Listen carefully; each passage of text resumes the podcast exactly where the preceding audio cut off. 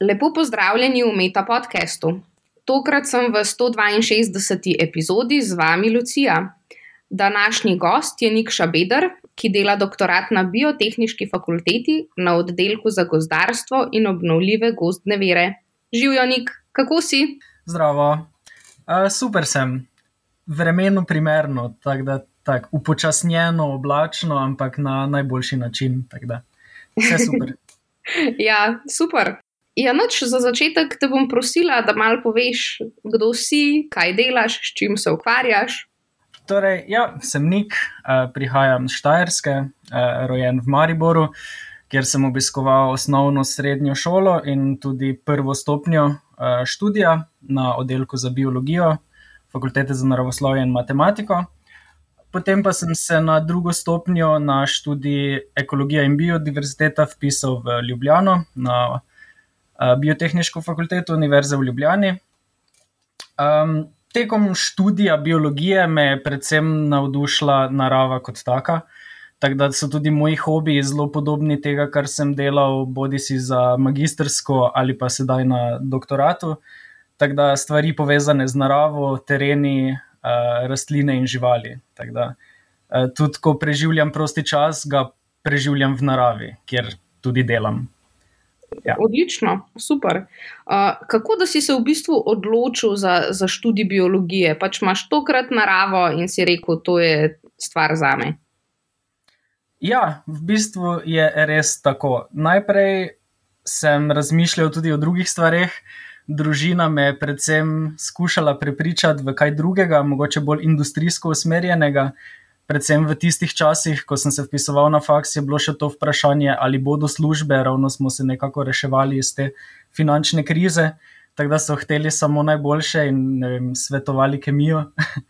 Ampak sem kmalo ugotovil, da vseeno raje sledim temu, kar me res veseli, pa se bo nekako že dalo. Tako da, ja, predvsem navdušenje nad naravo že iz otroštva, pa tudi vem, v osnovni šoli smo imeli zelo dobre učitelje za biologijo in naravoslovje ki so me spodbujali tudi, da sem se udeleževal kakšnih tekmovanj.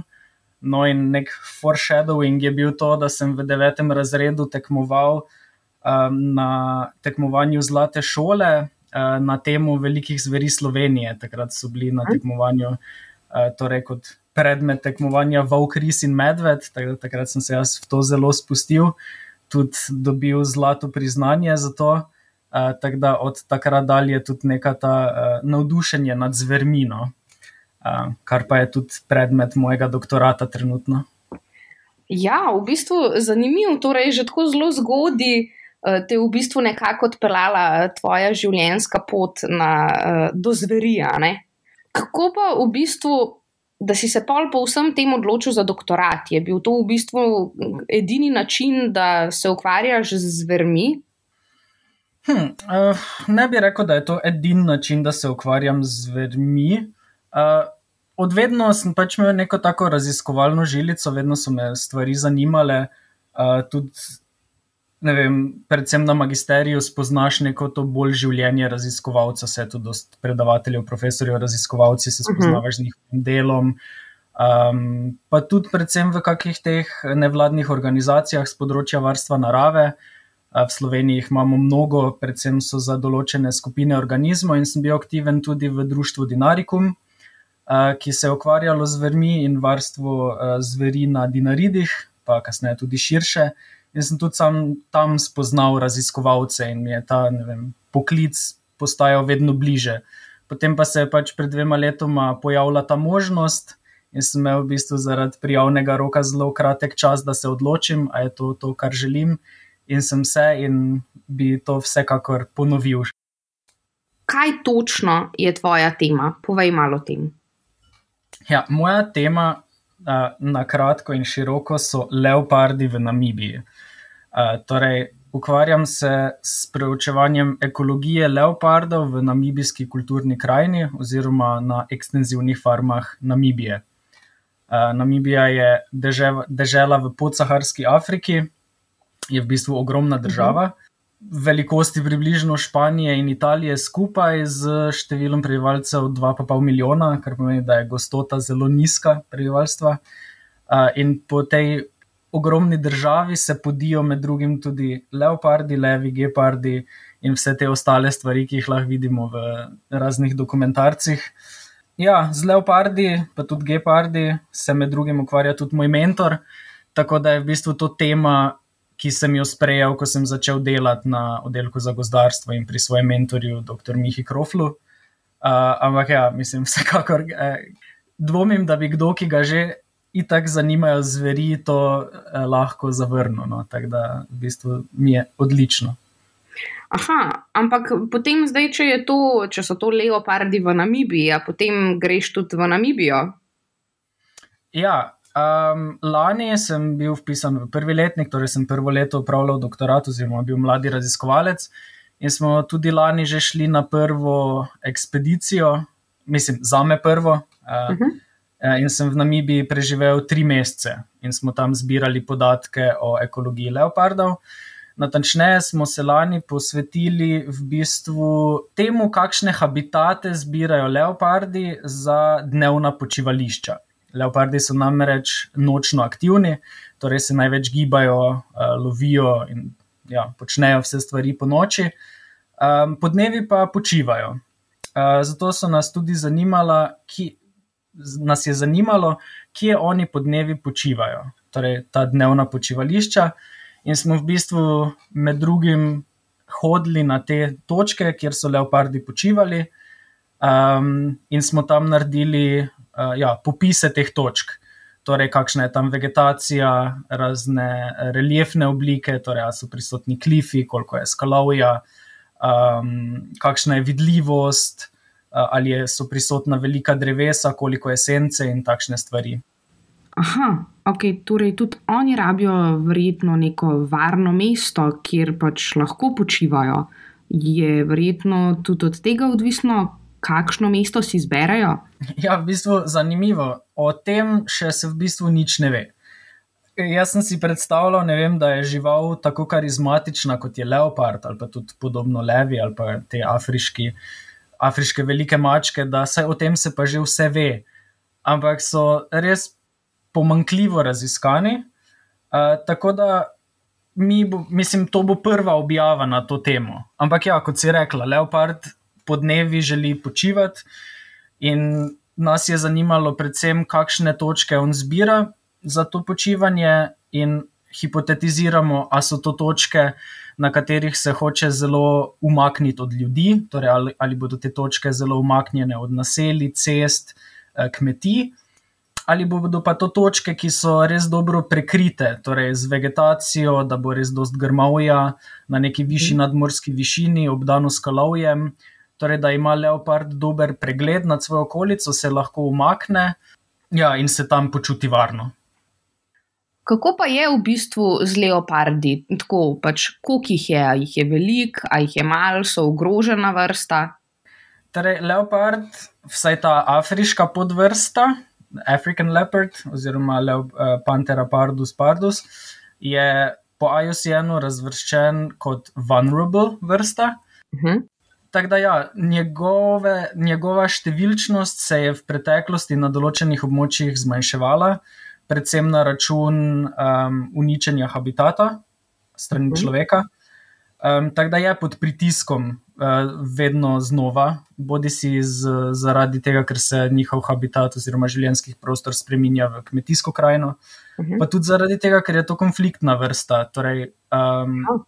Hkrati se ja, pojavlja tam, kjer človek naredi kmetije. In vse v Namibiji je to tam, kjer so ogromne farme, kjer se goji govedo. Uh, tako da na teh farmah prihaja do konflikta, se leopard včasih upleni, tudi teličke, kar pa seveda um, tam farmerji od, na to odgovorijo s tem, da leoparda preprosto odstrelijo. Vse to, po njihovem mnenju, v večini najlažji način, kako se tega, te težave rešiti. Um, ampak so v Namibiji številčnost v zadnjih letih vseeno narašča, počasi, populacija je stabilna. Na tem območju, kjer raziskujemo mi, torej južno od glavnega mesta Windhoek, pa je tudi ena izmed največjih gostot leopardov znotraj Namibije. te kmetje potem te leoparde kar odstrelijo, a pa mogoče vseeno v Namibiji imajo neke, eh, ne vem, rezervate ali karkoli za te leoparde. Ja, v bistvu leoparda lahko kmet, oziroma jaz uporabljam besedo farmer, ker so tam res ogromne farme. Naprimer, farma, na, katerih, na kateri sem jaz delal uh, in raziskoval, je velika 16 tisoč hektarjev, kar je tam skoraj blizu krajinskemu parku Ljubljansko barje, za tistih, ki ste blizu Ljubljane, pa vam je to mogoče bolj znano. Um, tako da, ja, če je konfliktna žival in ima far, uh, farmer sum oziroma potrditev, da je telička dejansko bil leopard, ga lahko odstreli. To delajo na najrazličnejše načine, ali mu postavijo nožno past ali pa ška, zabojno past, pa ga pač odstrelijo. V Namibiji je kar nekaj zelo velikih nacionalnih parkov, torej lahko tem nacionalnim parkom rečemo rezervat, mislim, vse v tem pomenu besede. Torej, tam se z prosto živečimi živalmi ne upravlja, vsaj danes ne. Torej, njihovo, njihov razvoj prepu, je prepuščen naravi. In eden izmed največjih nacionalnih parkov v Namibiji, oziroma najbolj obiskan tudi strani turistov, je Etosha National Park na severnem delu Namibije in je v bistvu eno ogromno sklenjeno, zavarovano območje velikosti Slovenije. Tako da so poleg Etosha še drugi nacionalni parki, uh, kjer ja, je razvoj vrstam prepuščen naravi. Vendar je pa potrebno omeniti, da pogosto so gostote leopardov ali pa tudi kakšnih drugih živali uh, uh, večje izven zavarovanih območij, kot pa znotraj zavarovanih območij. In tudi naša raziskava, oziroma ja, moj doktorat, poteka zunaj zavarovanega območja, ravno zato, ker smo prepoznali ta manjek podatkov in uh, raziskav zunaj raziskovanih območij. Ki so vseeno na svetu trenutno v večini, torej ni več zavarovanih območij kot nezavarovanih. Mhm, ok, zanimivo v bistvu. A si imel pri svojem raziskovanju do zdaj že kakšne take večje izzive? Mislim, med vsekakor so bili veliki izzivi. Prvo je bilo vsekakor to, da se gre za tri mesece raziskovati v neko tujo državo. Jaz sem bil prvič v Afriki, oziroma prvič v celinski Afriki, bil sem predhodno že na Mauriciju. Um, čist druga kultura, druge dimenzije, predvsem. Naprimer, v Sloveniji za biologa iti na teren pomeni voziti se vsaj z Ljubljane največ uro pa pol in si na neki lokaciji. Uh, zaradi dobre pokritosti gozdnih cest in infrastrukture si iz avta, ne vem, največ uro hoje, pogosto pa je to dost manj. Uh, v Namibiji je pa to drugače. So ceste, ampak mi smo raziskovali na teh ogromnih farmah, kjer so pač te farm roads. Tako da je do, potrebna dobra oprema oziroma dober terenski avto, uh, s katerim se pač pride, kamor se pride, potem se pa daleč tudi hodi, pogosto. Ker mi smo vsaj v tej lanski ekspediciji raziskovali točke, kjer so leopardi počivali. In leopard se, mislim, seveda ne izbere točke, ki je tik ob cesti ali pa na ravnem ali pa ja, na, izbira zelo odročne točke, mislim, kar smo tudi v, v praksi videli. Um, tako da je bilo mogoče fizično naporno, ampak kaj podobnega je že bilo tudi v Sloveniji. Ampak vsekakor izziv, mislim, čist drugače se tega lotiti. Ja, absolutno. Ja. Potem izziv je vsekakor, se mi zdi, da za vsakega mladega raziskovalca in doktoranta uh, nove metode. Uh, meni so mogoče bile metode terenskega dela že znane, ne, se na terenu res dobro znajdem. Uh, je pa vsekakor novost, nove statistične metode, metode obdelave podatkov, uh, programi, ki se za to uporabljajo. Um, ja, tako da v tem sem videl največje uh, v bistvu, izzive. Ja izzive. Tako. Ampak lahko povem, da delam v res izjemni ekipi raziskovalcev, poleg mentorja, še sodelavci, um, s katerimi smo tudi skupaj terenili. Torej, nisem cel čas v Namibiji terenu sam, so bili tam uh, in mentor, in še ostali sodelavci, s katerimi smo delali skupaj. vsaj na začetku, kasneje sem tudi sam ostal še dlje. Uh, tako da se mi zdi, da z dobro ekipo se da vsaj na tem začetku kariere res marsikaj preiti. In v bistvu vse, kar sem opisal zdaj kot izziv ali pa problem, smo rešili ali z ja, skupnim delom na sveti. Uh, tako da, ja, v bistvu, brez večjih travm uh, iz preteklosti. Super, odlično. Še zadnje vprašanje ti bom v bistvu postavila in sicer, zakaj misliš, da je tvoje delo pomembno? Ja, meni se zdi, da je raziskovanje karizmatičnih vrst, kot je leopard, lahko jim rečemo tudi kravne vrste, zelo pomembno z vidika ohranjanja tako njih, kot narave same. Torej, s tem, če se mi ukvarjamo z neko tako zelo karizmatično vrsto in imamo dovolj informacij o njej, uh, že sam iz čiste bazne ekologije, torej bazna znanost, lahko lažje delamo kakšne aplikativne raziskave. Torej, kako z našim poznavanjem te vrste uh, boljše pomagamo tej vrsti, torej leopardom, za njegovo ohranjanje. Um, predvsem, naprimer, en vidik ki ga bomo raziskovali, je tudi prehrambena ekologija leopardov, torej feeding behavior, uh, kjer nas zanima, predvsem, ali prihaja do deljenja plenov med leopardi. Uh, namreč, uh, že moj mentor je opazil večkrat na fotopasteh, ki jih je nastavil na plene, da na plen leoparda, naprimer, en leopard upleni neko zebro. Je tja postavil fotopasti, To smo počeli tudi mi kasneje in tudi jaz več mesecev lani. Uh, in smo ugotovili, da se na ta plen včasih uh, hodi hraniti tudi nek drug leopard, torej ne ta leopard, ki je uh, žival tudi ubil. In zelo tako revealing je bilo, da je lani nas poklical en farmer iz bližnje farme in je rekel, da je leopard ubil telička, da je on odstrelil leoparda in da je leopard in ta leopard imel GPS vratnico, ki so jo namestili v našem projektu, in da lahko pridemo po to vratnico. In potem smo se malo pogovarjali, um, pogledali uh, podatke z te vratnice, pogledali podatke z fotopasti, in smo v bistvu ugotovili, da se je ta leopard prišel na ta plen samo hraniti. Uh, torej, v bistvu niti ni bil on tisti, ki je ubil, je bil pa vseeno proglašen za krivca in je bil odstreljen.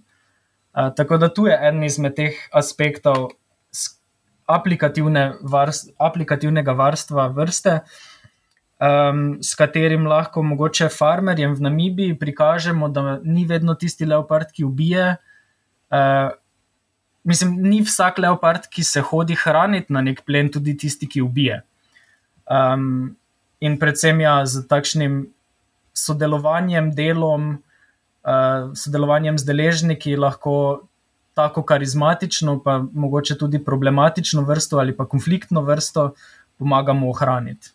Ko sem prej omenil karizmatične vrste oziroma pravne vrste, torej, če mi obvarujemo leoparda, ki ima ogromne domače okoliše ali pa teritorije, oziroma obvarujemo en del življenskega prostora, kjer se on nahaja, torej proglasimo neko območje za bodi si nacionalni park ali kaj takega, predvsem na račun obvarovanja leopardov, s tem obvarujemo vse ostale vrste, ki tam živijo, pa mogoče sploh ne pomislimo na njih.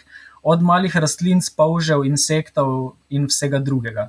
Tudi zaradi tega je pomembno ohranjanje teh karizmatičnih krovnih vrst.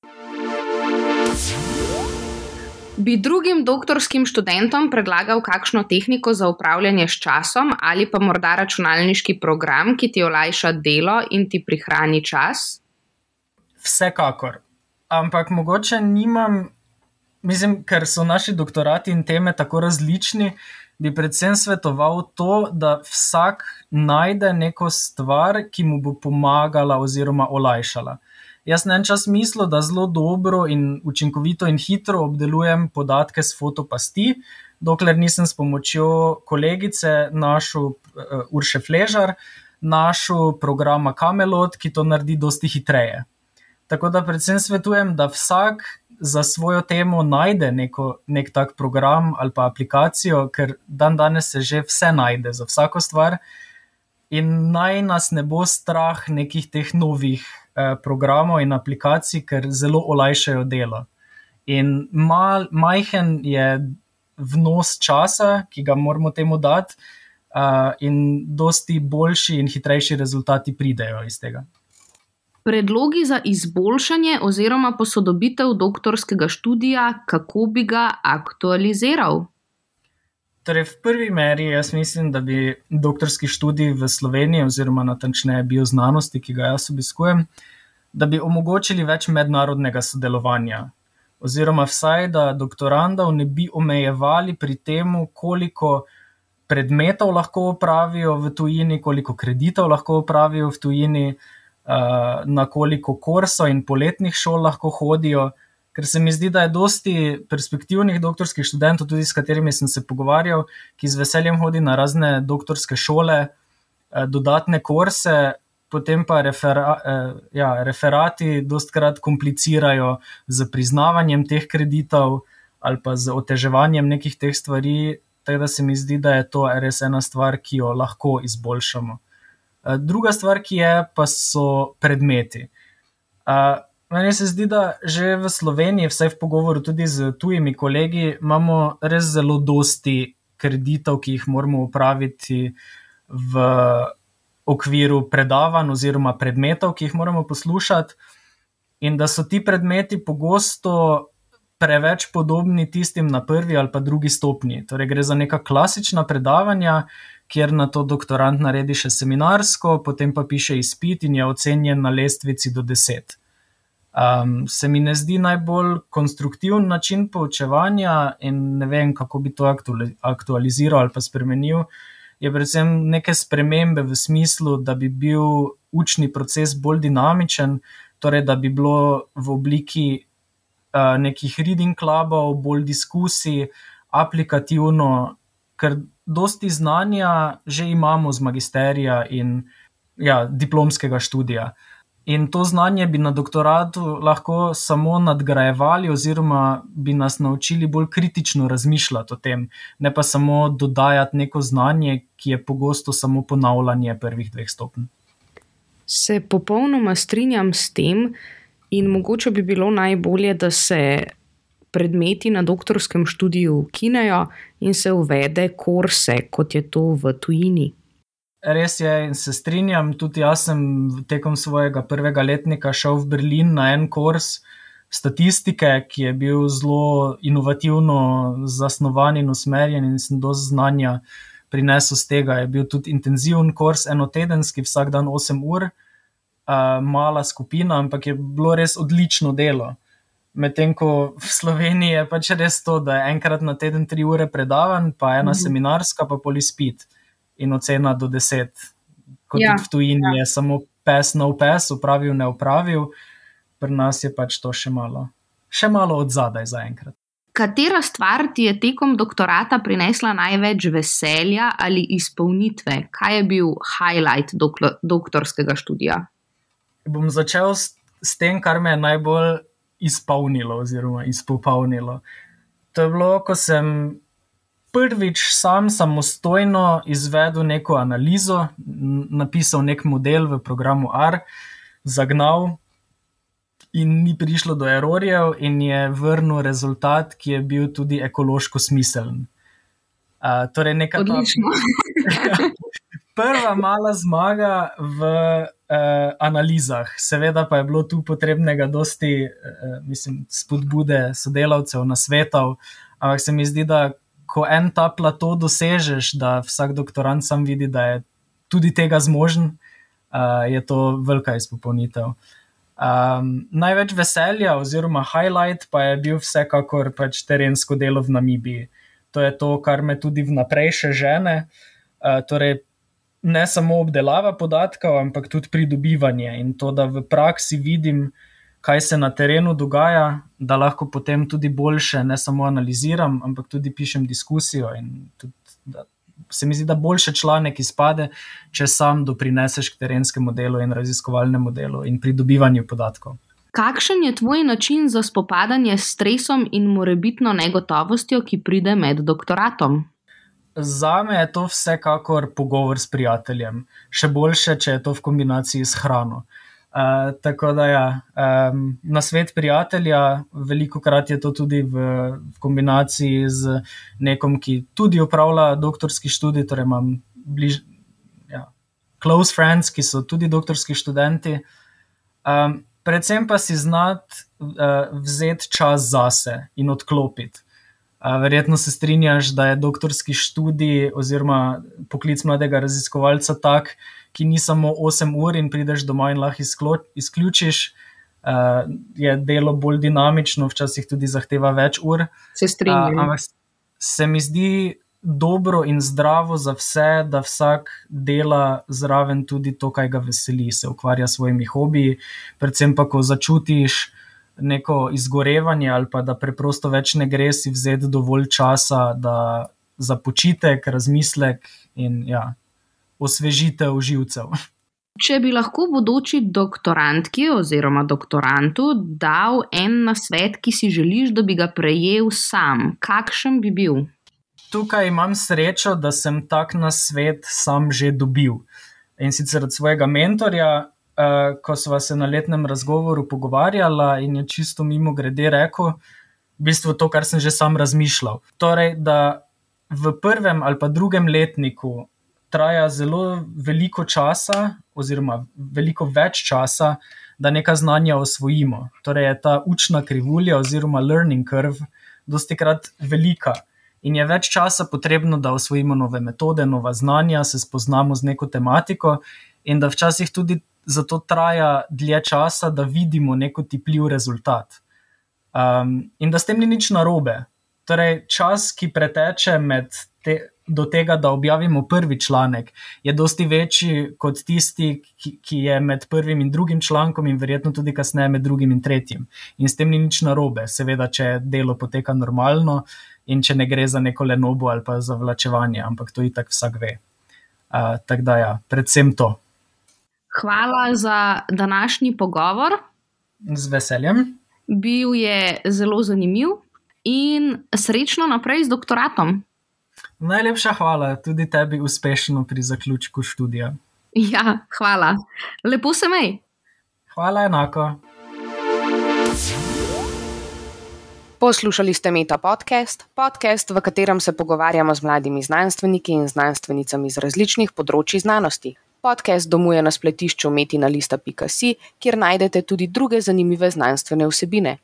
Naše delo lahko podprete z donacijo Metini listi. Pohvale, pripombe in predloge lahko posredujete po e-mailu znanost.afnametinalista.si.